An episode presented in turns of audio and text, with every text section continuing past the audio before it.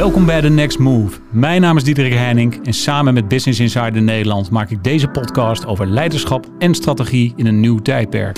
Links van mij vandaag zit Ron Vrijmoed. Hij is medeoprichter en managing partner van Deus. Zij houden zich bezig met oplossingen op het gebied van kunstmatige intelligentie. Rechts van mij de CEO van Google Nederland, Martijn Bertiezen. We hebben het over de razendsnelle ontwikkelingen op het gebied van technologie, talentwerving, hybride werken. Hoe was het coronajaar voor hen? Hoe kunnen techbedrijven nog meer positieve impact maken? En natuurlijk hebben we het ook over data en privacy. Ron en Martijn, goedemiddag, welkom. Goed dat jullie hier zijn hier in Haarlem. Dankjewel. Dank je.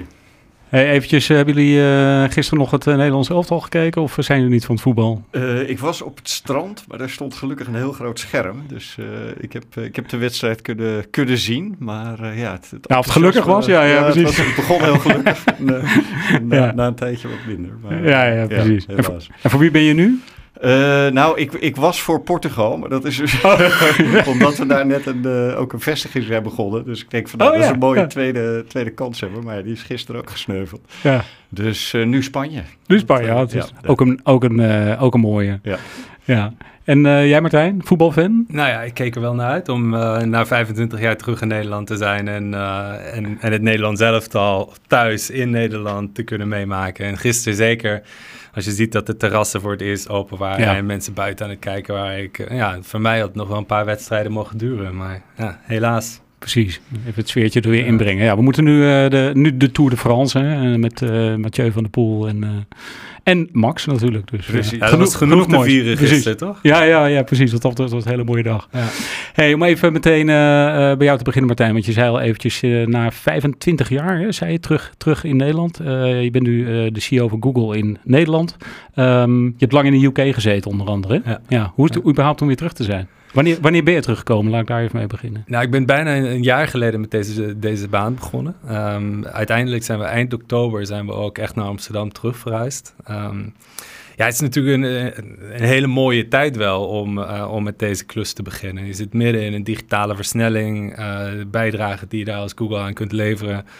Op, op alle handen vlakken, richting consumenten, richting bedrijven, overheden, is natuurlijk uh, heel mooi. Um, maar het heeft ook zijn nieuwe, ook wel uitdagingen natuurlijk. Ik ben nog, ik zei het net tegen Ron, ik ben nog nooit op kantoor geweest. We hopen nee. dat in de komende paar weken ja, te bizar, openen. Ja. En ik ga na dit gesprek voor het eerst met een aantal collega's even, even een drankje doen op oh, een ja. terrasje. En Ja. dat, dat heb je wel gemist natuurlijk. Ja. Dus, uh, ja, dat lijkt me zo raar. Want daar heb ik met de eerdere gast ook over gehad. Vooral als je nieuw in een organisatie bent en ook nog in jouw rol. Um, dus ja, je leert je mensen wel kennen, maar via Zoom.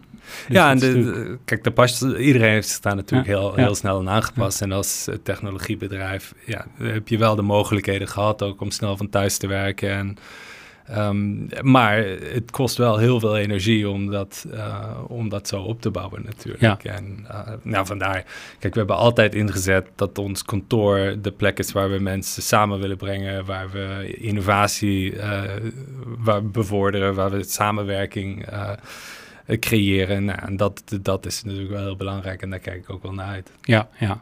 Hey Ron, jij hebt uh, uh, al enige tijd geleden Deus opgericht. Hoe lang was dat nou geleden Uh, precies? januari vorig jaar. Dus, Ja, eh, zo, dat ook- Timing is everything. maar Ja, die zeggen. hadden allebei wat betreft een goede timing. Ja. Ja, ja, hoe, ja. Oké, dus hoe is dat gegaan dan, die start? Nou, eigenlijk eh, ach- achteraf gezien eh, was het... eh, het kwam natuurlijk als een volstrekte verrassing. Dus eh, gelanceerd in januari na zes maanden voorbereiding. En eh, eigenlijk de eerste paar maanden hadden we het gevoel van... nou, dit wordt een, eh, een easy game. We hadden eigenlijk met dezelfde ploeg al een keer eerder een bedrijf eh, opgericht... Wat we overigens in 2009 gestart waren. Dus een jaartje na de financiële crisis toen. Dus dat was Mopgen. dat was Mopgen, ja, ja. precies. En nou ja, achteraf gezien is dat misschien een, een positieve jinx om zoiets te, te hebben. Maar eh, nou ja, na die eerste drie maanden waar we heel veel belangstelling hadden en eigenlijk dachten, nou dit wordt een, eh, een easy start om het, eh, bedrijf van de grond te trekken, zag je wel dat op het moment dat, dat COVID echt doorkwam, dat een aantal van de, van de voorstellen die we hadden liggen gewoon uitgesteld Ja. werden, niet doorging. Dus dat was wel even schakelen. nou, gelukkig hebben, zijn we eigenlijk de tijd daarna best goed doorgekomen. Een paar leuke kleinere projecten opgepikt.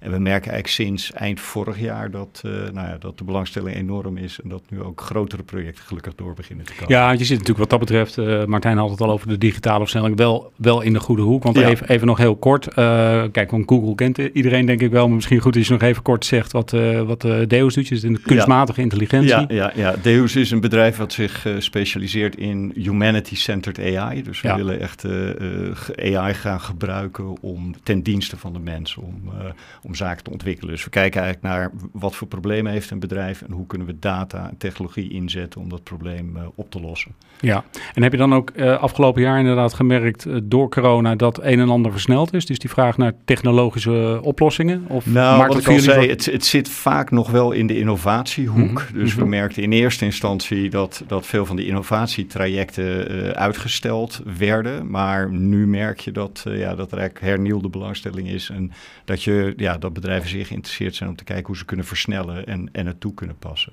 Ja, precies. Dus wat dat betreft zit jullie goed. Herken je dat zo, eh, Martijn?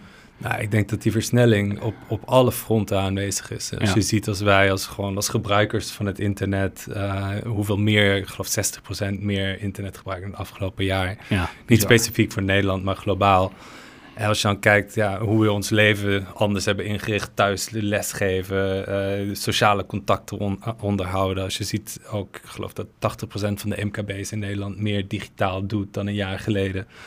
Daar ook aanzienlijk successen mee kan boeken als het, als het goed doen. Je, je, ziet het binnen de overheid. je ziet hoe digitaal is ingeschakeld om ook de pandemie te bestrijden betrekking tot nou, de coronamelder-app of uh, de mobiliteitsrapporten die er gebruikt worden. Dus je ziet eigenlijk op alle fronten dat, het, dat, dat digitaal en het internet toch heel helpvol is geweest in het afgelopen jaar. Ja, ja en, nu, en dat we er nu, uh, nu moeten gaan leren hoe we er nog beter mee kunnen omgaan. Want ik had met jou een kort voorgesprekje er ook al even over. Als je naar de Zoom calls en de Google Meets en nou, noem maar op, maar alle video call uh, tools en dergelijke. Daar kan natuurlijk ook nog een hoop in verbeteren. Daar zijn jullie geloof ik ook druk mee bezig, hè?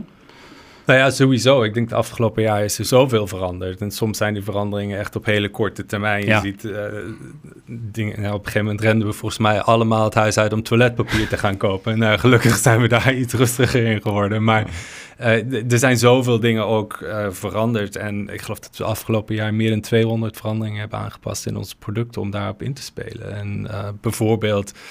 Uh, hoe is het mogelijk, hoe maak je het mogelijk om uh, consumenten te laten zien binnen Google Maps of je restaurant op de hoek thuisbezorgd of afhaaldiensten heeft? Nou, dat, dat hadden we een jaar geleden nog niet. Uh, ja. Dus daar, daar zie je wel aan hoe snel dat je ook inspeelt op de veranderingen die, die, die ten stand komen. En ja. het gebruik van data en inzichten is daar wel heel belangrijk geworden natuurlijk om ook bedrijven te helpen om snel te kunnen schakelen en zich snel te kunnen aanpassen. Ja, precies. Op een gegeven moment was jij nou nog betrokken geweest bij de corona-app of niet? Of, ja, dat is een uh, apart verhaal. Maar ja? ja, dat klopt. Nee, wij waren een van de, ik geloof dat er uit de 500, 600 inzendingen, dat er acht partijen werden uitgenodigd om te komen presenteren tijdens die fameuze ja, ja, ja. Uh, dag op het ministerie. uh, of twee dagen waar het feitelijk. Ja, die day. Die day. En die ook zeg maar, via webcast werden, werden uitgezonden. Heel nieuw, nieuw concept. En uh, dus wij waren een van die, die partijen. En wij hadden eigenlijk een voorstel gedaan om, uh, om op basis van uh, open source technologie die beschikbaar was, een, een, ja, een oplossing te, te bouwen voor de, de coronamelder app. Maar ook een beetje in afwachting van wat nou ja, Google en Apple aangekondigd hadden, waar, waar ze mee zouden komen.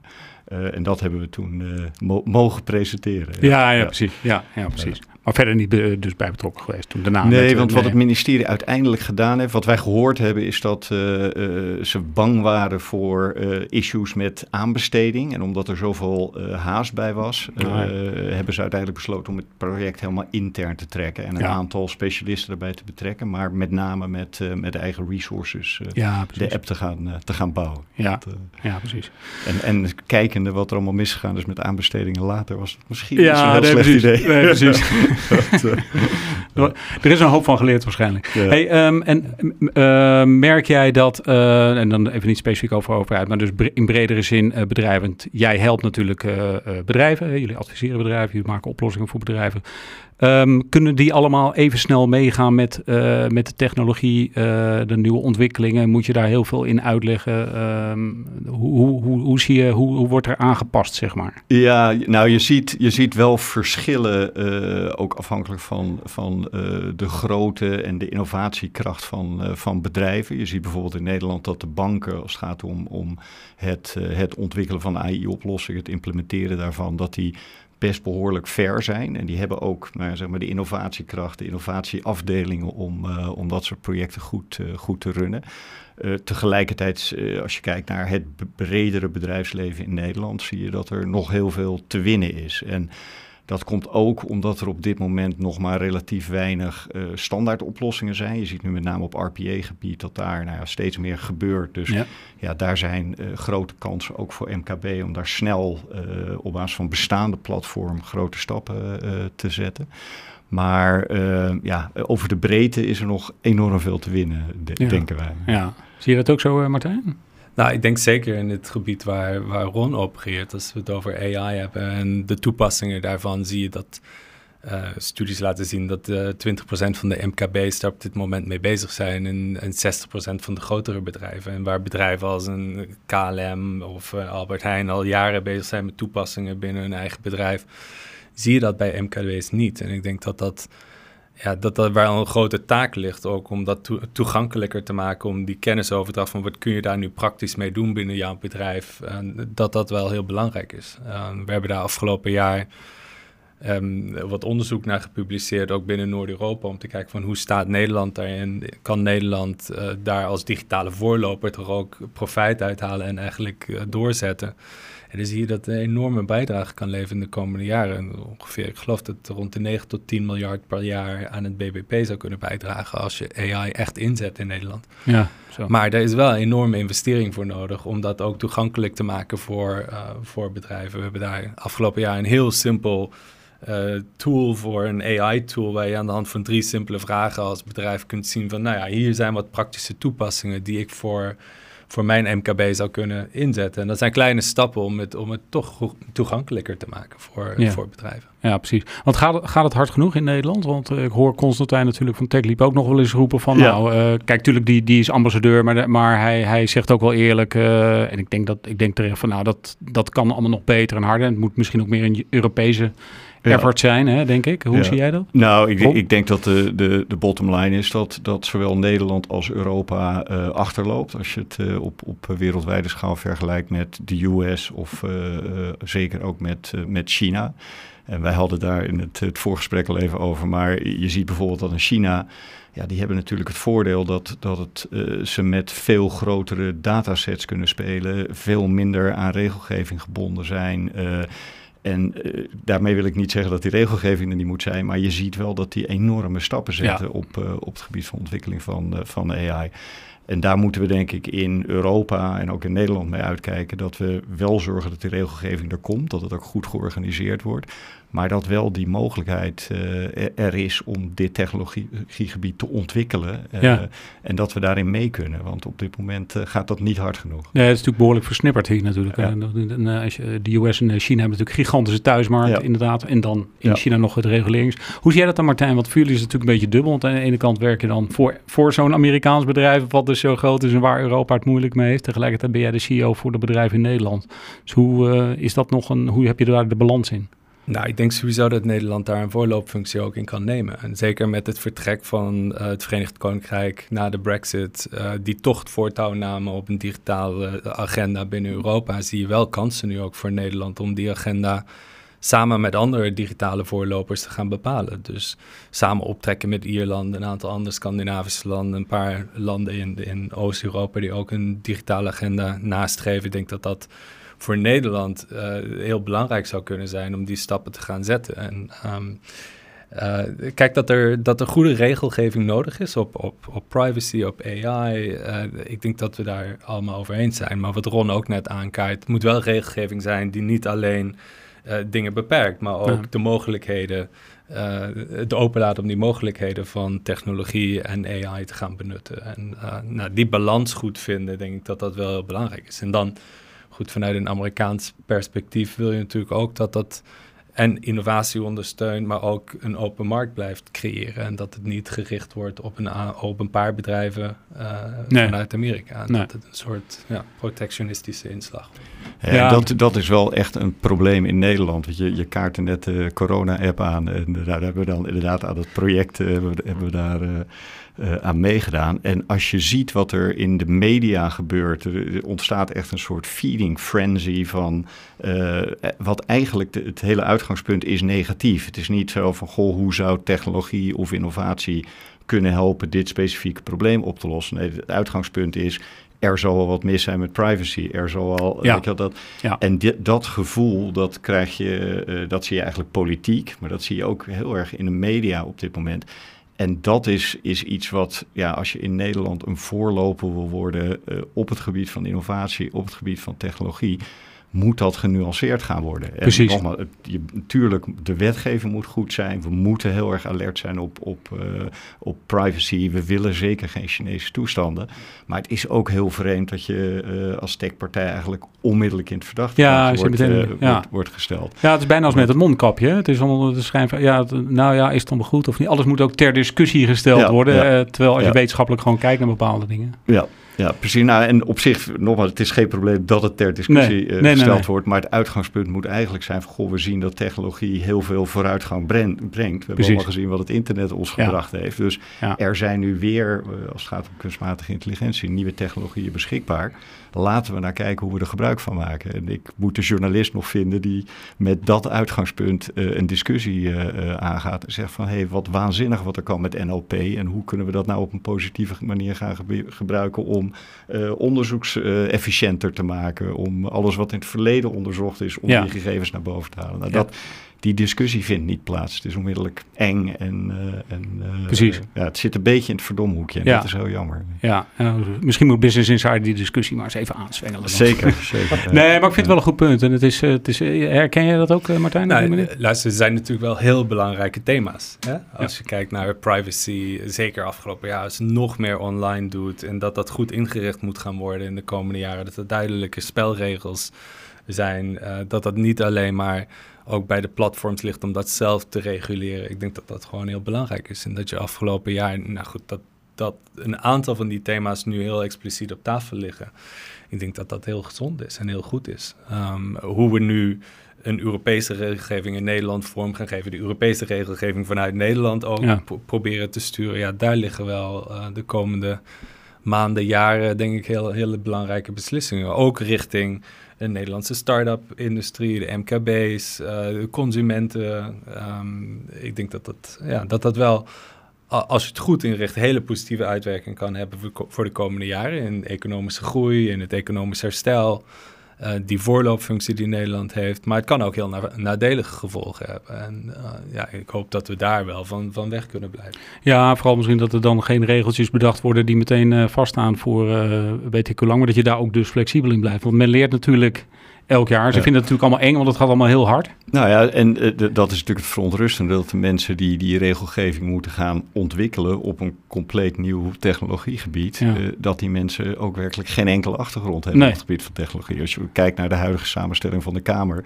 zaten er geloof ik een handjevol mensen... die daar enige er ja. ervaring mee hadden. En een aantal daarvan zijn inmiddels ook weer verdwenen. Dus, en dat is echt verontrustend. Want je moet mensen hebben die, die de materie kennen, die, die in ieder geval het gesprek aan kunnen gaan. Uh, begrijpen wat er als feedback komt van, van de specialistische ja. partijen en op basis daarvan regelgeving kunnen gaan maken. Nou, we hebben zelf natuurlijk allemaal de senatoren gezien, de 80-jarige senatoren in Amerika die uh, de, de Facebook-inquiry deden. Ja, ja, dat is schokkend als je ziet uh, wat het, wat het ja, gebrek aan kennis is dan die er op dit moment in de politiek is. En ik ben bang dat het in Nederland op dit moment ook zo is. Ja, en dat, en dat beïnvloedt natuurlijk direct de, althans bijna in ieder geval voor een groot deel, groot deel direct en een groot deel indirect de publieke opinie natuurlijk ook. Dus dat hoor je allemaal, dan krijg je ja. ja precies. Ja. Terwijl er zoveel moois mee kan, want uh, jij noemde ook al het een en ander, um, Ron. Uh, geef eens wat voorbeelden bijvoorbeeld, of, of waar je nu mee bezig bent, of waarvan je ziet, ziet waar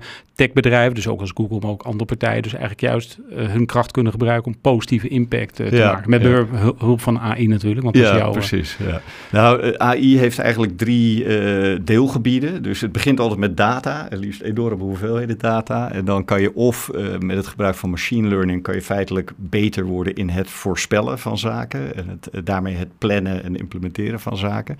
Dat is één gebied. Je hebt een deelgebied rondom computer vision. Feitelijk, je leert een, een algoritme heel goed te kijken, of beter te kijken dan een, uh, een mens. dan moet je denken aan uh, röntgenbeelden, uh, als het gaat om, om longfoto's en het al dan niet kunnen pinpointen van, van kankercellen. of het derde gebied is alles rondom taalverwerking. En dan gaat het om het spreken, het schrijven en het lezen van, van taal. Dat heet dan met een mooi woord natural language processing.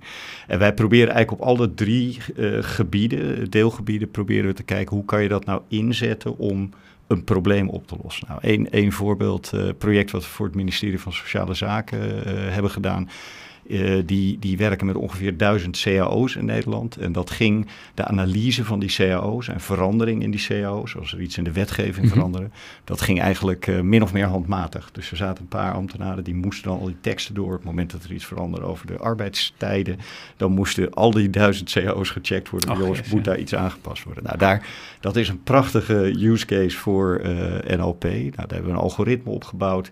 Um, en dan zie je bijvoorbeeld dat Engelstalig behoorlijk ver is als het gaat om taalanalyse en, en dergelijke. Nederlandstalige modellen wordt nog volop aan gesleuteld, ook bij allerlei universiteitsteams.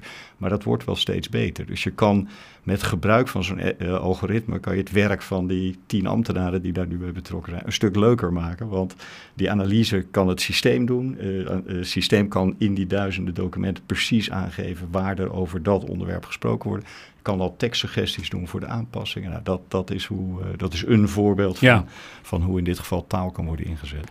Als het gaat om computer vision hebben we een project gedaan rondom veiligheid. Uh, dus gevaarlijke omgeving, dragen van veiligheidskleding. Dat wordt nu vaak door mensen gecontroleerd. Dus je zit er dan achter 50 schermen. Wordt niet altijd heel goed gehandhaafd. Nou, je kan een algoritme trainen om te herkennen of iemand zijn veiligheidshelm op heeft. Of die de juiste kleding, juiste veiligheidsschoenen, veiligheidsbril op heeft. Ja. Uh, en het laatste voorbeeld, dat, dat is... Helaas kan ik er nog niet al te veel over vertellen, of in ieder geval ook niet het bedrijf waarmee we dat doen. Maar dat is type projecten als je het hebt over humanity-centered AI, waar wij ons heel graag op willen richten. Daar, daar zijn we aan het kijken hoe we op hele grote schaal data kunnen gebruiken om uh, uh, uh, gebrek aan voeding, malnutrition te kunnen pinpointen oh, wat ja. daarmee gebeurt. En eigenlijk een soort voorspelling te kunnen maken op basis van heel veel verschillende databronnen wat er gaat gebeuren in een specifiek gebied. en hoe het bedrijf in kwestie daarop in kan spelen met fortified food. Dus dat, dat is een. Interessant. Oh. Ja, dus dat is op veel grotere schaal iets wat, ja, wat heel direct ook op de Sustainable Development Goals zou kunnen werken. Waar sta jij op dit moment in je carrière? Blijf jezelf en je bedrijf ontwikkelen. En volg een parttime MBA-opleiding of een korte training. De nieuwe generatie leider word je bij Rotterdam School of Management, Erasmus University. Kijk welk programma bij jouw ambities past op rsm.nl/slash the next move. Martijn, eh, Google is natuurlijk ja, sowieso wereldwijd. Ik weet niet of je specifiek nog iets in Nederland daarover kunt zeggen, maar ongetwijfeld ook met dit soort projecten bezig. Je zei er ook al iets over. Kun je daar nog iets over, uh, over vertellen? Dus hoe je het uh, positief inzet, zeg, zeg maar, een positieve impact te maken.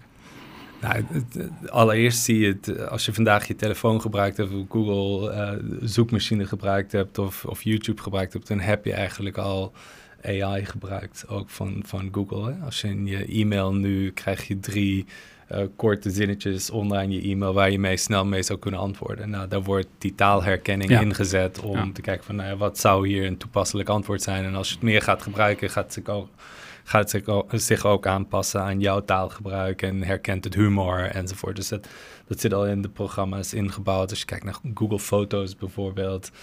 Uh, dan kun je zoeken voor uh, een foto van jezelf op het strand met de hond en de zonsondergang in de achtergrond. En het, het zoekt door je hele portfolio aan foto's en geeft je ja. die, die foto's terug. Dus daar zie je ook die, die, die image uh, recognition terugkomen. Hebben net onze, onze uh, I.O., Developer Conference, ook gehad in Amerika. Oh ja, ja. ja er komt een heleboel nieuwe technologie komt daar als eerst naar de markt. eentje die er wel voor mij uitsprong is ook de applicatie binnen, binnen de gezondheidszorg, waar je waar je nu een um, nou, Derm Assist heet het, eh, waar je naar, naar huidcondities gaat kijken. We hebben 65.000 casussen uh, bekeken, gestudeerd, miljoenen foto's uh, gestudeerd. En uh, er komt nu een app nou, waarmee je een foto van een, een, moedervlek zou kunnen maken. En die geeft je een eerste indicatie van, hey, hier zou ik even naar laten kijken of niet. Ja, ja dat is heel mooi. En dat zijn wel hele mooie applicaties. We hebben dat al voor diabetes bijvoorbeeld gebruikt en uh, voor borstkanker en, enzovoort. Dus daar zie je wel heel praktische applicaties die, uh, die denk ik enorm, enorme impact gaan hebben. Ook een positieve impact. Want dat is wel heel belangrijk denk ik bij AI, dat we ook kijken naar nou ja, sociaal net net heeft het een voordeel? Uh, zijn de, de voordelen hiervan, wegen die op tegen de risico's? En hoe zet je die tegen elkaar af? En ja. ja. daar zie je wel heel duidelijk gewoon de use case en de voordelen als je goed omgaat met de data die ervoor gebruikt worden. Ja, en dat is ook belangrijk dat op die manier de publieke opinie daar ook uh, nou, in ieder geval mee beïnvloed kan worden. Want het is gewoon wat er gebeurt. Hè? Dus, uh, ja. ja. Nou, en ook wel, ik denk dat het ook heel belangrijk is van hoe maak je dat bereikbaar voor andere bedrijven? We hadden het al over van hoe moeilijk het is voor een MKB-bedrijf om, om soms in te zien van hoe kan ik dat überhaupt op mijn bedrijf uh, toepassen. En daar staan we voor, als Google ook wel voor om, om, veel van die technologie dan beschikbaar te maken en met partners samen te werken. En of dat nu grote partners zijn, zoals een Unilever bijvoorbeeld, waar we samenwerken om het in beeld brengen van de ontbossing in hun toeleveringsketen met behulp van ja, data-analyse en, en AI op dat gebied. En de andere kant met kleinere bedrijfjes uh, in de landbouw. Connectera is een Nederlands bedrijfje, daar werken we mee. Om de gezondheid van hun koeien in beeld te brengen. En, en zo uh, ja, gezondere koeien met hogere productie uh, te krijgen. Nou, dus eigenlijk heel divers waar het kan worden toegepast. Ja, dat is interessant. Dat hoor je toch inderdaad eigenlijk, of ik althans, maar nou ja, ik lees er toch best wel wat over, maar relatief dan weinig van. Wat, zoals je, dat voorbeeld wat je zegt met Unilever over ontbossing, dat vind ik wel wel interessant om, uh, om te horen inderdaad. Ja. ja. Nee, maar het is inderdaad, het, het gebeurt nog, waar, waar we het in het begin over hadden, de, de toepassing is nog te beperkt op, uh, op dit moment. En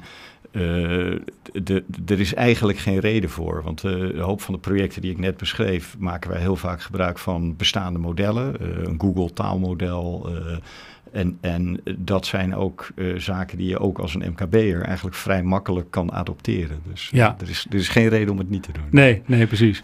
Hey, en hoe blijven jullie, ja, misschien een beetje een rare vraag aan, aan uh, twee van dit soort technologen, zou ik maar zeggen. Maar jullie zijn natuurlijk ook leiders, hè? Dus ja, je bent, jij bent CEO en, en uh, jij hebt je eigen bedrijf trouwens. Dat staat nog los van je positie. Je kunt überhaupt een leider zijn. Maar maar hoe blijf je, hoe blijf je bij in deze enorm snelle ontwikkelingen op, dit, op, op, op, op jouw terrein bijvoorbeeld, uh, Ron? Of überhaupt in de brede zin qua technologie? Ja, nou, ik, ik heb inmiddels, denk ruim tien jaar erop zitten op het gebied van technologie. dus dat, dat helpt een beetje. Maar eh, wat, wat voor mij eigenlijk het allerbelangrijkste is, is uh, dat, dat ik de marzel heb gehad dat je met, uh, met een hele groep jonge mensen werkt. Dus uh, ja. ook oh, nu is de, de, de, gemiddelde leeftijd binnen ons bedrijf is denk ik 25 jaar, 26 jaar.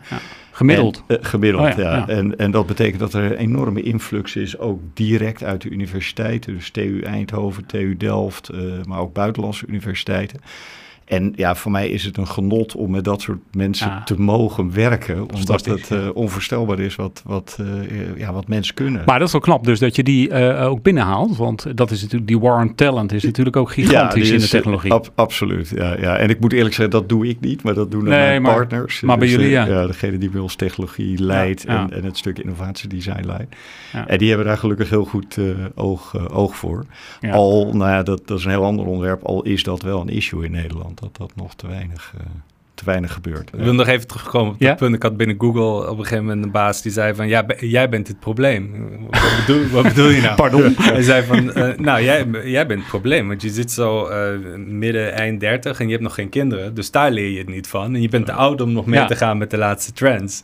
dus hoe, hoe blijf je bij is, is inderdaad wel een heel punt. belangrijk thema. En ja. goed, mijn zoon is nu één jaar oud, dus daar leer ik het ook nog niet van. Dus, um, Begint over een paar jaar. ik vind zelf wel dat je echt zo'n zo'n zo'n ja, het klinkt een beetje cliché, maar een learning mentality om toch constant nieuwsgierig te zijn en, en ook eh, dingen uit te proberen. En ik gebruik eerlijk gezegd ook deze momenten om je dan weer een beetje bij te scholen bepaalde thema's. AI is niet uh, specifiek mijn vakgebied, maar ja, dan is het wel heel leuk om daar een keer een deep dive op te doen en, en ook gewoon praktisch dan te leren van, nou, wat speelt daar, hoe, hoe gaan we daarmee om en on-the-job learning vind ik nog steeds wel heel leuk. Ja. En ik denk dat dat nooit, nooit eindigt. Um, nou, het, het, punt op talent, om daar nog even op terug te komen.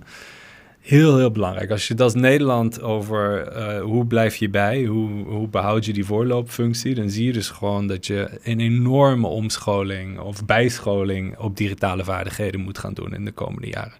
McKinsey heeft daar onderzoek naar gedaan. In de komende 2030 uh, eh, is er 90% van de banen heb je digitale vaardigheden nodig. Nou, dat betekent dat je in de komende acht jaar moet je elk jaar tussen de 8 en 900.000 mensen gaan bijscholen op digitale vaardigheden. Dat is een enorme klus. En ik denk dat daar echt een rol ligt voor overheid, voor instanties, maar ook voor bedrijven om samen te komen. Ja. Ik had het, het ja, privilege om vorig jaar in augustus, toen ik net bezig was, kon ik uh, aankondigen dat wij ons uh, Grow met Google, dus eigenlijk een digitale vaardighedenprogramma ook in Nederland flink wilden gaan uitbreiden. Daar hebben we toen gezegd, nou, het komende jaar willen 500.000 mensen bereiken, bedrijven en individuen bereiken met digitale vaardigheden. Soms gaat dat om hoe gebruik ik e-mail. Uh, soms gaat het om uh, hoe kan ik AI inzetten voor mijn bedrijf. Dus ja. eigenlijk over het volle spectrum, full range, zeg maar, de full range. Ja, we hebben inmiddels 350.000 bedrijven en individuen bereikt. Nou, daar hoop ik dat we daar nog uh, flinke stappen in kunnen gaan zetten. Maar het geeft wel aan hoe groot dat de job is die, die we daar moeten gaan doen. En daar ligt echt een rol. We doen dat in samenwerking met MKB Nederland, met de FNV, CNV, met de SER. Um, daar ligt gewoon een rol, denk ik, voor iedereen om samen te komen, om daar echt aan te gaan werken. Want anders verlies je gewoon die concurrentiestrijd met, met andere landen. Ja. Mijn kinderen zijn al wat ouder. Ik heb een, een, zoon van 24 en een dochter van 22. Maar die zijn hun hele uh, lagere school, middelbare school doorgegaan. Zonder ook maar één minuut uh, aan programmeren uh, ja. te kunnen besteden. Ja. Omdat het gewoon niet als vak gegeven wordt. Nou, Het is een oud thema, maar hoe kan dat? En zolang we die basis niet leggen onder de markt ja, krijg je gewoon te weinig uh, talent. En je ziet wel dat, nou, als het om AI gaat, dat er nu een aantal goede gerichte opleidingen zijn. Dus er zijn nu een aantal bachelors en masters op het gebied van uh, AI. Uh, en dat heeft een redelijke influx, dus zo 200, 300 studenten. Maar ja, als je kijkt, als, als AI, wat iedereen zegt, zo groot gaat worden als het internet, is 200 man in Nederland per jaar. Dat gaat het niet doen. Is krapjes. Dat is, uh, is absoluut te krap. Ja. Ja, plus we moeten waarschijnlijk ook uh, gaan kijken naar diversiteit, of niet? Want het is natuurlijk altijd de kritiek Zeker. op tech. Het is een mannenbolwerk. Ja, enorm belangrijk. En ik denk dat dat beide natuurlijk voor ons personeelsbestand heel belangrijk is. Maar ook wat we uitdragen in onze producten en onze, onze producten ontwikkelen. Ja. Um, kijk, intern uh, qua personeelsbestand wil je natuurlijk dat een reflectie is ook van de samenleving waarin je opereert. En op sommige vlakken hebben we daar goede progressie uh, gemaakt. Als je kijkt naar een man-vrouw bijvoorbeeld. Uh, in de leidinggevende functies hebben we daar nog, nog werk te doen. Maar over het algemeen hebben we daar wel een goede stap in gezet. Dat blijft doorgaan. Hoe blijf je daarin investeren? Maar er komen nu ook uh, andere dimensies bij kijken natuurlijk. Ja. En hoe, hoe zorgen we ervoor dat ook de ja, even in het Engels, underrepresented groups. Hoe zorg je ervoor dat die ook uh, binnen Google succesvol kunnen zijn? Dat die daar ook carrière kunnen maken, dat ze daar ook willen werken en, en de, de, de kansen krijgen om binnen te komen. Het begint al bij uh, bij het schrijven van de vacature, bij wijze van spreken. Precies, ja. Want daar kan je al talen in gebruiken die bepaalde groepen helemaal buitensluiten. Dus daar begint het al. Uh, hoe zorg je ervoor dat je nooit ook maar aan een interviewproces begint zonder dat de pipeline echt divers is? En ja. dat is soms heel lastig, die keuzes maken van nee, we wachten, we wachten, we blijven zoeken, blijven zoeken. Totdat je zegt van nou, nu hebben we tien kandidaten die echt alle diverse uh, aspecten bij elkaar brengen. En dan gaan we aan de slag met onze interviews. En, ja. Goed, en als ze dan binnen het bedrijf, uh, dan investeer je daar natuurlijk ook in. Hoe hou je ze binnen het bedrijf? Geef je ze de, de gelijke mogelijkheden. En soms ook uh, wat extra investment natuurlijk om ervoor te zorgen dat ze blijven groeien, dat ze bij Google blijven. Dus enorm belangrijk van dat perspectief, maar ook e-, echt belangrijk als rol als groot bedrijf met uh, ja, toch meerdere platforms die door heel veel mensen gebruikt worden. Precies. Ja. Om ervoor te zorgen dat we daar ook geen biases uh, in de producten inbouwen, dat we die zelf niet creëren, maar ook niet bestaande biases nog verder uitwerken. Um, afgelopen jaar natuurlijk rond Black Lives Matter een aantal nieuwe producten ook en nieuwe features laten zien. Dus nu kun je als bedrijf in Google Maps aangeven dat je een black-owned of een female-owned business bent, bijvoorbeeld. Dat ook ondersteunt. Ja, en als bedrijf hebben we ook wel de luxe om ook met financiële mogelijkheden ook dat economisch te ondersteunen. Dus Black Founders Fund hebben we net in Amerika, eh, hier in Amsterdam is een start-up Lala Land. Uh, misschien ken je hem wel gewoon. Het is een bedrijfje wat AI-applicaties uh, eh, voor diversiteit ah, binnen de fashionwereld uh, bouwt. Die hebben een, een, grant gekregen. Volgens mij is van langs zien komen. ja, een grant gekregen van, van Google voor een Black Founders Fund grant gekregen. Nou, daar kun je wel ook als groot bedrijf natuurlijk een, een, een, een, wezenlijke bijdrage leveren. We hebben 100 miljoen beschikbaar gesteld voor YouTube creators, uh, diverse YouTube creators, ook met uh, een black, black background.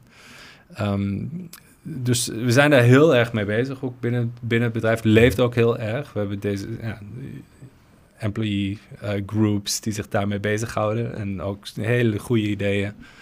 Um, dus enorm belangrijk. En ik denk dat dat ook in de toekomst qua aantrekkingskracht als bedrijf essentieel is. Ook essentieel. Mensen ja. Ja, ja en ik hoorde ook uh, Frans van Houten voor NL 2025 was het geloof ik, of NL groeit ik geloof NL 2025. Uh, ik vond dat, die gaf daar ook een mooie visie op, ja, van Houten van Philips. Die is daar voorzitter van, volgens mij van die club, weet ik niet zeker. Maar, maar dat ging ook heel erg daarover dat Nederland veel meer een positie ook naar de toekomst in zou moeten nemen op het gebied van technologie. Want er ligt voldoende infrastructuur en, en uh, basis. Maar goed. Ja. Um, een vast onderdeel van de podcast is ook altijd even de, de challenge. Dus dan laten we de gasten elkaar even een vraag stellen. Anders moet ik de hele tijd vragen stellen. Dat is wel vermoeiend. Nee, maar um, Martijn, heb jij een vraag voor uh, Ron? En dus het gaat altijd eventjes om... Um, wat, wat zie jij als een uitdaging? Of, of nou, de, de, waar ben je benieuwd naar uh, bij Ron of zijn bedrijf... Voor het komende jaar, zeg maar?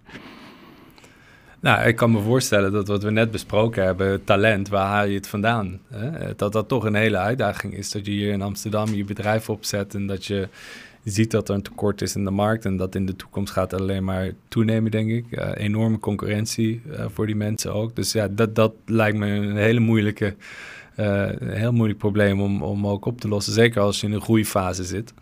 Um, maar misschien ook het tweede punt, eh, waar we het eerder over hadden, van hoe zorg je ervoor dat zeker ook in, in jouw technologiebereik het vertrouwen wel ook in die technologie bestaat. En uh, kijkende naar jouw bedrijf wordt heel veel waarde aan gehecht. In elk geval op je website zag ik het uh, duidelijk hoe jullie daarover nadenken. Dus die twee thema's, ik denk dat het wel heel interessant is om te kijken van nou, hoe ga je daarmee om het komend jaar. Ja, ja, ja dat zijn, zijn inderdaad de twee, de twee grootste challenges die we, die we hebben als, als bedrijf. Als het gaat om, om talent. Uh, begint het, denken wij, in ieder geval bij de cultuur van het, uh, van het bedrijf. Dus we proberen een bedrijf te zijn wat, uh, wat ja, een cultuur heeft waar, waar jong talent graag wil werken. En waar ze ook de kans krijgen om op hele leuke projecten te werken en zichzelf snel te ontwikkelen. En dat, dat zit in alle facetten van het nou, kantoor. Hebben we misschien niet noodzakelijkerwijze nodig in de toekomst. Maar je wil wel een hele leuke congregation place hebben. En een plek waar mensen samen kunnen komen als ze dat willen. Maar tegelijkertijd ook, moet je ook de vrijheid bieden uh, als mensen liever vanuit huis werken. Die, dus dat zijn componenten die we daar inbrengen. Um, we hebben hele nauwe banden met de universiteiten en die proberen we te onderhouden en op te bouwen en daarin te investeren, zodat we inderdaad heel dicht bij de bron uh, zitten en op alle mogelijke manieren samenwerking, uh, samenwerkingsvormen creëren. Dus zo'n Dutch Summer of AI is, nou dat hebben we nu gelanceerd dit jaar, maar dat is uh, het plan dat dat een vast onderdeel gaat worden. Waarin we samen met een aantal uh, grote uh, bedrijven in Nederland die ja, die markt gaan stimuleren en, en hopelijk de influx van meer talent ook gaan, gaan stimuleren.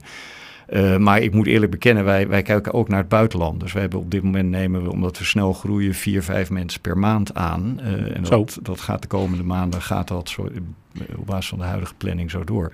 En die kunnen we niet vinden in Nederland. Dat is, is de bottom, bottom line. Dus wij hebben een bedrijf, zijn we ook gestart in, in Portugal en in Spanje. Dus we hebben twee entiteiten daar. En daar recruiten we ook naar voor data science talent en tech-talent. En dan hebben we weer het voordeel dat we heen en weer kunnen uitwisselen. Dus we kunnen een Nederlandse student uh, een geweldige tijd in Porto uh, beloven en andersom. dus dat, dat helpt dan. En de tweede uh, challenge, ja, wij, wij hebben dat eigenlijk tot de core van ons bedrijf gemaakt. We hebben eerder een bedrijf bedrijf zelf opgericht. Dat hebben we uiteindelijk succesvol kunnen verkopen. En we hebben gezegd met dit nieuwe bedrijf van willen we echt als, als primaire doelstelling, ook voor onszelf, uh, om te kijken hoe we data en technologie in kunnen zetten ja, for good, om het, om het zo maar samen te vatten. Dus het idee van humanity-centered AI, dat is niet alleen uh, zeg maar een slogan, maar dat is echt wat we, waar we de, het bedrijf op willen richten. En natuurlijk moet je overleven, we willen ook een gezond bedrijf zijn.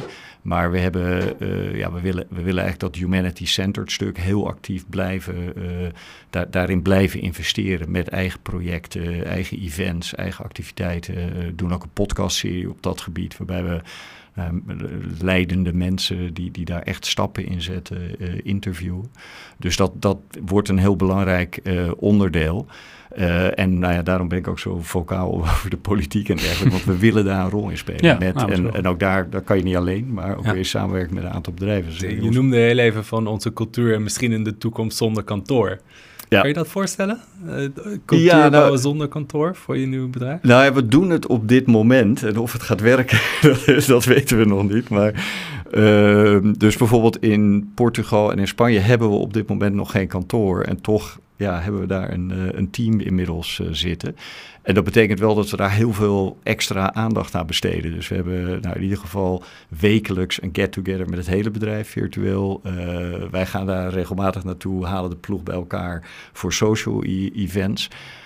En wat ik al zei, we willen uiteindelijk wel een, nou, we heten Deus, dus bij ons wordt het echt een congregation place, een, plek tot, voor samenkomst. Uh, maar we willen absoluut geen ouderwets kantoorsetup meer. Omdat we, ja, we, we weten als we innovatiewerk doen, dat we dan soms bij elkaar moeten komen. Dat, dat werkt nou eenmaal heel goed. Uh, maar voor heel veel van, van het, uh, het, productiewerk, het bouwen van de oplossing of het implementeren of de run en maintain, dat, dat kunnen we ook op afstand doen. En die, die ruimte willen we mensen zeker bieden. Maar misschien is de, de vraag uh, terug is ook een goede. Ja. Wat, wat gaan jullie met je kantoor doen? Dus dat, Ja, wij, wij zijn eigenlijk vanaf het begin wel vrij duidelijk geweest dat we, dat we het belangrijk vinden om onze cultuur toch wel, of het kantoor wel centraal te houden ook in die cultuur. Maar met, net als bij zoveel andere dingen na dit afgelopen jaar terug naar het oude, dat gaat niet meer, mm. denk ik. Hè? We hebben onze levens al heel anders ingericht, ook als, als werknemers. En dat zagen we heel vroeg al in onze, in onze zoekopdrachten. Mensen zijn op, aan de ene kant op zoek gegaan naar een jacuzzi om het huis anders in te richten.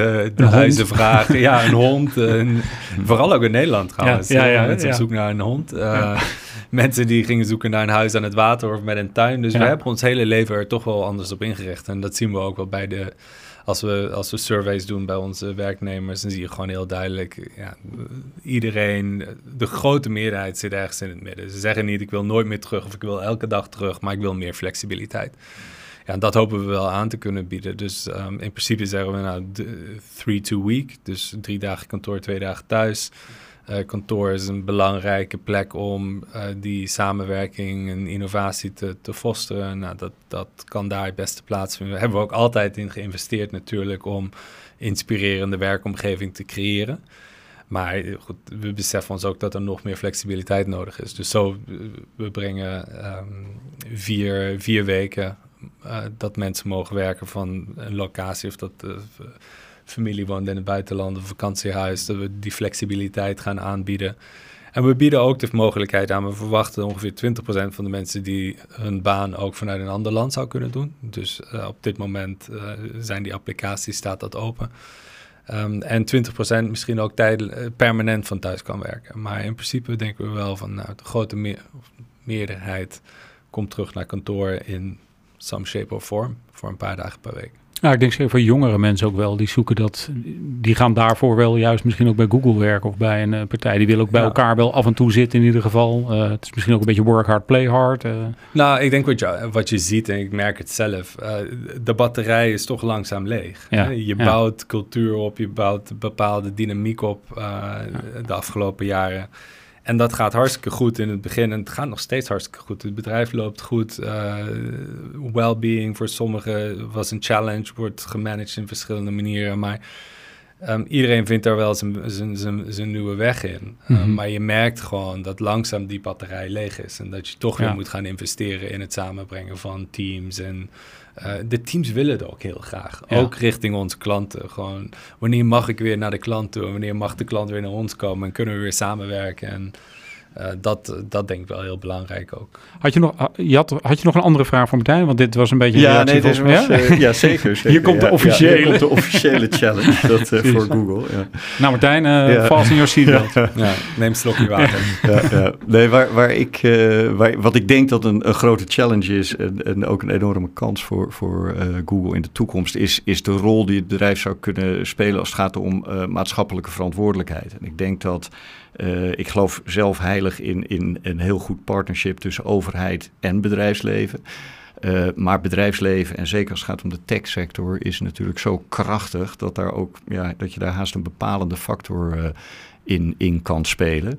Eh, en on the reverse, dat het ook best belangrijk eh, is geworden om dat te doen. Omdat je ziet dat nou, de techpartijen natuurlijk best onder druk gekomen zijn afgelopen jaar als het gaat om privacy en, eh, ja, hoe, hoe daarmee omgegaan wordt. Dus, die, dus mijn, mijn challenge is eigenlijk hoe ga je om met die maatschappelijke verantwoordelijkheid. En misschien daaraan gelinkt van nou, hoe kan je daar een rol in spelen.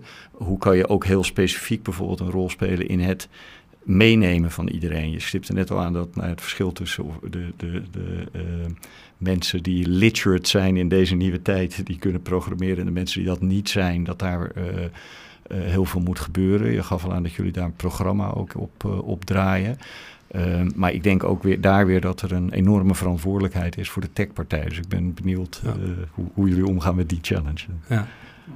Nou, dat voel je natuurlijk wel, ook Hmm. als Google, hè? die maatschappelijke verantwoordelijkheid. En die willen we ook heel graag uh, nemen. Als je naar het afgelopen jaar kijkt, we hebben het er al een uh, aantal keer over gehad, hoe je de rol van technologie kunt inzetten, toch in een hele positieve manier het afgelopen jaar.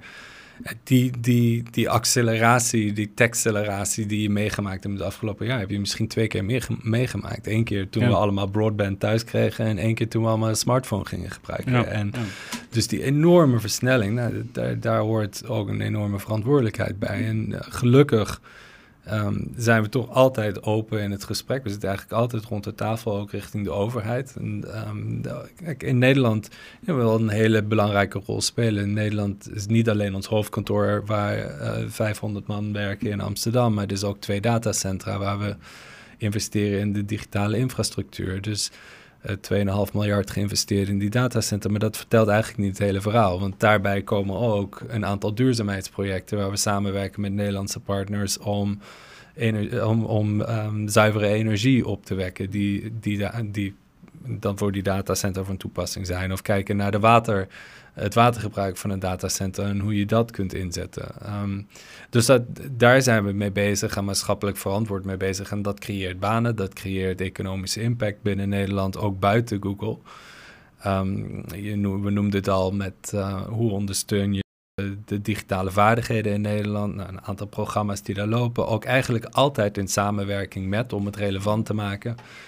Um, investeringen in start-ups. Uh, ook hier in Amsterdam voor de Startup Hub zijn we ook een founding partner. Uh, daar gaan start-up grants naartoe, trainingen, workshops. Dus je probeert inderdaad als partner binnen Nederland wel die maatschappelijke verantwoordelijkheid. En die zoeken we ook wel heel actief op. En dat is eigenlijk, ik besteed misschien wel een derde van mijn tijd ook aan die gesprekken met de ministeries, met een CER en een MKB enzovoort, om constant toch te zoeken van waar kunnen we helpen, waar kunnen we bijdragen. En kijk, de problemen die wij tegenkomen op onze platforms, die zijn vaak ook een reflectie van wat er in de samenleving ook speelt. Ja.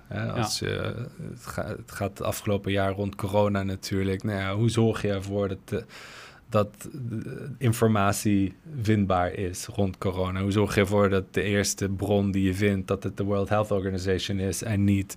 Hè, dat zijn wel de, de, de, complottheorieën die we tegengekomen zijn het afgelopen jaar. Ja. Had je twee jaar geleden ook niet kunnen voorspellen. Nee. En uh, hoe je daarmee omgaat, dat is niet alleen...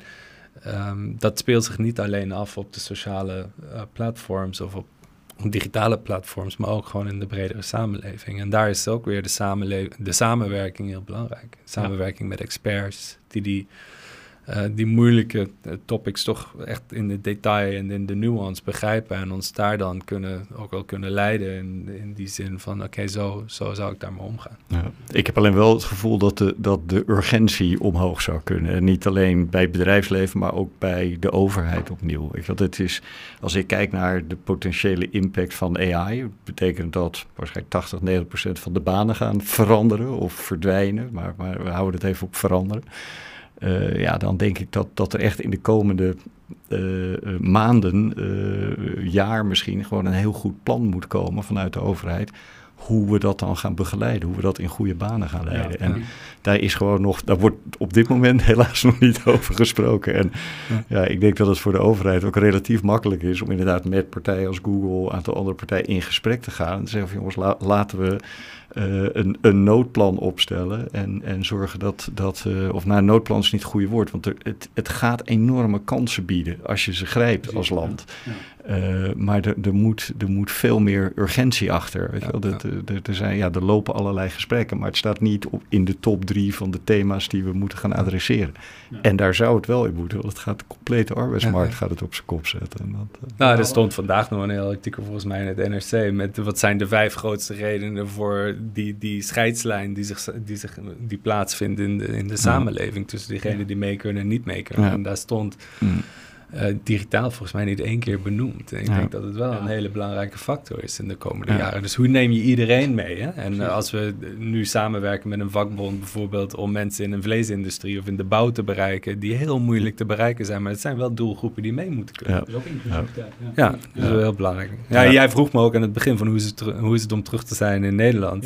Ja. daar, daar loop je ook wel tegen de poldercultuur aan een beetje. En ja. dat, ja, is dat echt een groot verschil met bijvoorbeeld UK of Ja, ik vind dat wel. Ja. Ik vind het een enorm verschil. dat toch uh, alles uh, ja, zo, zo lang gediscussieerd en uh, zo vaak onderzocht. En heel moeilijk om keuzes te maken af en toe. En ik denk dat, dat dat, ja, je zag het ook het afgelopen jaar af en toe natuurlijk in de maatregelen die genomen werden rond corona. Je noemde al ook wel hoe, hoe, moeilijk het was om een corona-melder-app van de grond te krijgen. Ja. Uh, daar ja. zie je toch in dat andere landen daar sneller waren in de besluitvorming. Ik denk dat dat polderen heel goed. Uh, en dat zeg ik ook intern altijd tegen de teams. Heel super als het goed benut wordt, maar af en toe uh, is het misschien ook niet de meest eff efficiënte en effectieve manier ja. om nee, uh, vooruit nee, te komen. Nee, sommigen moeten vuist op tafel en, vooral, en dan actie ondernemen inderdaad. Ja, ja precies.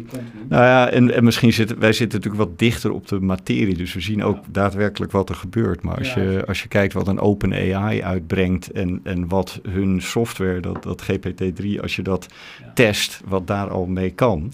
Uh, je, daar kan, kan, je bij wijze van spreken vragen om het, een, een, artikel te schrijven van twee pagina's over de gevaren van AI. En dan krijg je best een heel redelijk verhaal. Ja. Wat wordt de impact op de baan van journalisten? En dat is een voorbeeldje, maar dat geldt eigenlijk voor bijna al het werk wat we op dit moment doen. Ja. Dat het in de komende vijf jaar, tien jaar echt dramatisch uh, zal veranderen door technologie. En ja, ik, denk, ik denk echt dat daar snel, snel een plan voor moet komen. Hey, even nog uh, twee dingetjes. Er zijn eigenlijk soort rubriekjes die we altijd even terug laten komen. De, de, eerste is sowieso over mentale en fysieke fitheid natuurlijk. Hè. We hadden het al eerder over. Jullie zijn ook leiders natuurlijk. Nee, maar jullie hebben natuurlijk drukke, drukke banen en ondernemer en uh, als, uh, als CEO. Hoe blijf je, uh, Martijn, hoe blijf je mentaal scherp, fysiek fit? Hè? Want de baan zal jou best wat uurtjes kosten, denk ik. Nou ja, afgelopen jaar niet, niet makkelijk geweest. Ik heb deze baan aanvaard een maand voordat ik mijn, mijn eerste kind kreeg. Dus ja. uh, oh. vervolgens in coronatijd van Londen naar Amsterdam. Ja, uh, ja. Begonnen in een kantoor dat niet open is, niemand kon leren kennen. Dus het is wel een heel uitdagend jaar geweest natuurlijk.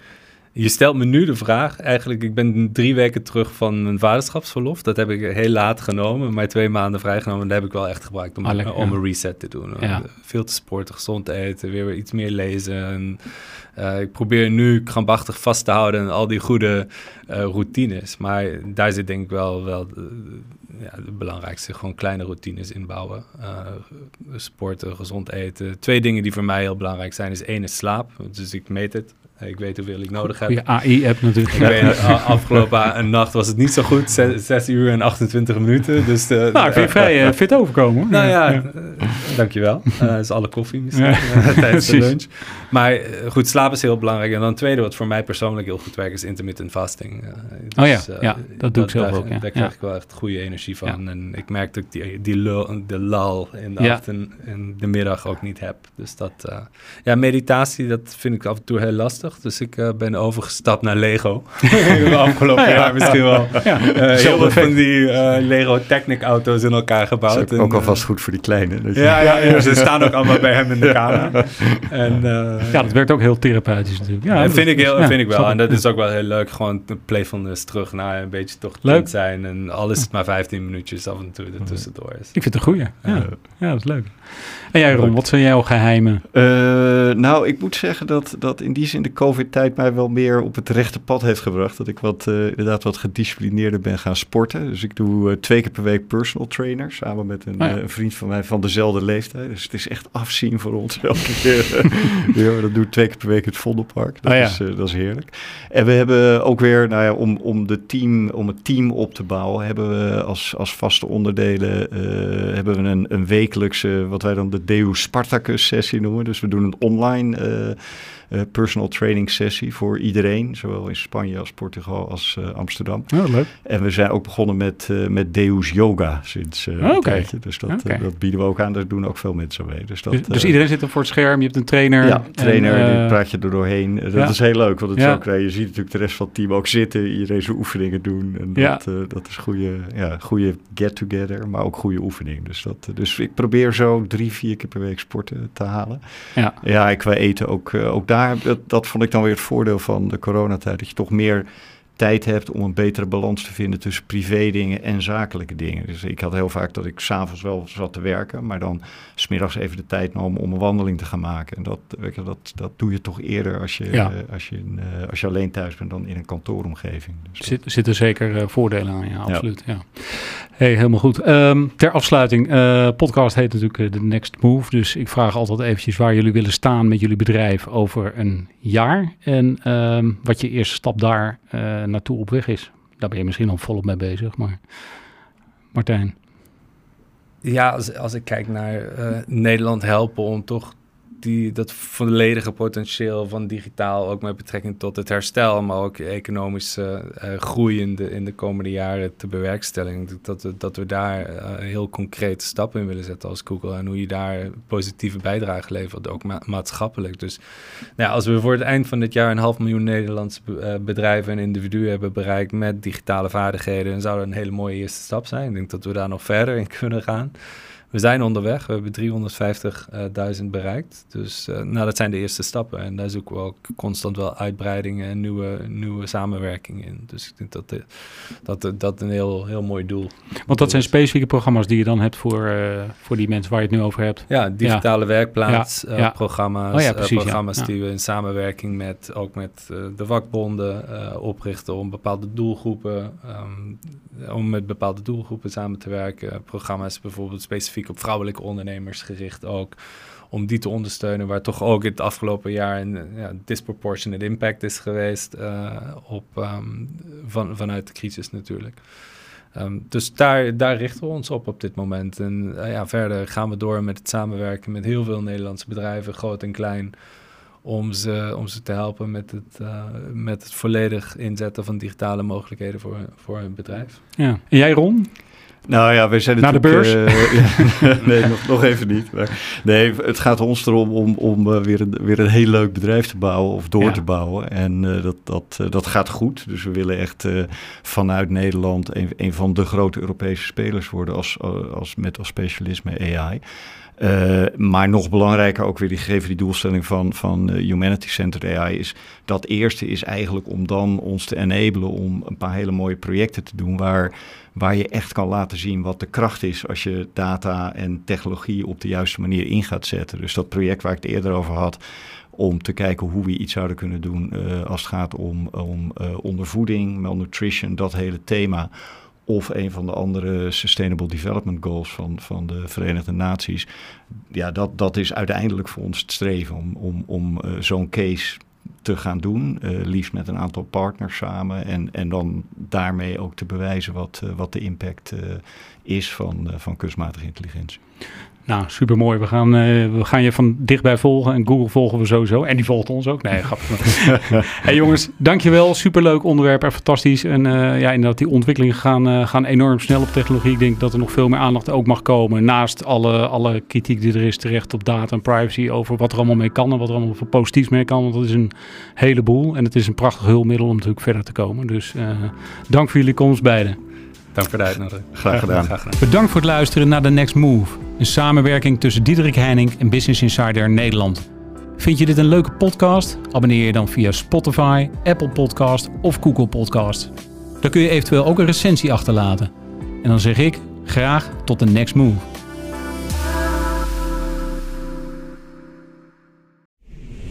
The Next Move wordt in samenwerking met Rotterdam School of Management Erasmus University gemaakt. Wil jij het maximale halen uit je carrière of bedrijf? Volg dan een korte training of parttime MBA. Kijk wat het beste bij jou past op rsm.nl/slash the next move.